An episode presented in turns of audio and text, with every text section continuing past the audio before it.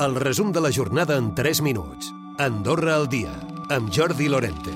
Els principals responsables de la CAS han explicat aquest dijous que van comunicar al Ministeri d'Afers Socials a l'agost i posteriorment al novembre que s'havien pagat almenys un milió i mig d'euros de més en pensions d'invalidesa. Ho han fet en el marc d'una compareixença davant el Consell General. Això sí, no ha estat fins aquest passat mes de gener que es van trobar amb el cap de govern i es va decidir solucionar la qüestió a través d'una esmena de la majoria parlamentària al pressupost d'enguany. Aquest condonava el deute involuntari dels pensionistes afectats. Explicava el terme d'aquestes negociacions i de quan es van començar a assabentar les parts amb Marc Galabert. Concretament a la reunió d'agost es va fer una primera comunicació amb Afers Socials sobre la qüestió, en aquell moment encara molt preliminar, com hem pogut veure en la, en la compareixença, i en la reunió de, de novembre també es va, es va parlar de l'afer amb, amb el Ministeri d'Afers Socials. El president de la CAS assegurava que a final de febrer tindran els resultats de l'auditoria que han encarregat una empresa externa.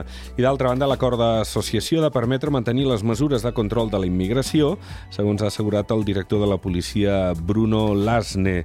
De fet, tot i que el nombre de delictes es manté estable, reclama com a mínim 40 efectius més per afrontar les noves tècniques dels delinqüents i estar preparats davant els 9 milions de turistes per any. Per cert, el propi Bruno Lasne ha confirmat la detenció dels sospitosos dels robatoris a diversos locals d'Erinsal a principis de setmana. Hi ha hagut un, un control que s'ha fet doncs, aquesta matinada. A partir d'aquí s'estan fent tota una sèrie de gestions d'investigació per acabar de tancar l'assumpte L'empresa concessionària del transport sanitari assistit no medicalitzat rescindeix el contracte. Això aboca el servei a un nou concurs que el SAS ha de licitar aviat. En el plec de bases s'inclouran les condicions pactades entre empresa i treballadors en el conveni col·lectiu. L'empresa mantindrà el servei fins a l'adjudicació del nou concurs i la Fiscalia no recorrerà a la sentència d'absolució de Vanessa Mendoza, que d'aquesta manera esdevé ferma. Al gener, el Tribunal de Corts va considerar que la presidenta d'Estop Violències era innocent del delicte de desprestigi a les institucions. Els fets van començar amb unes declaracions de Mendoza a la seu de les Nacions Unides a Ginebra el 2019 i que van ser considerades injurioses pel govern. L'executiu les va traslladar a la Fiscalia, que va iniciar, va servir per iniciar aquest judici. I la Fiscalia, precisament provincial de Madrid, proposa abandonar la comissió rogatòria demanada des d'Andorra, tot plegat per imputar l'expresident Mariano Rajoy i els exministres Cristóbal Montoro i Jorge Fernández Díaz, tot plegat en relació amb l'anomenada Operació Catalunya.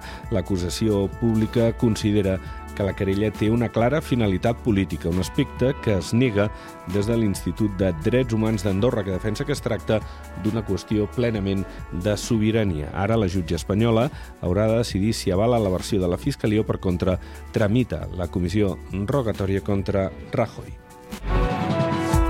Recupera el resum de la jornada cada dia a AndorraDifusió.d i a les plataformes de podcast.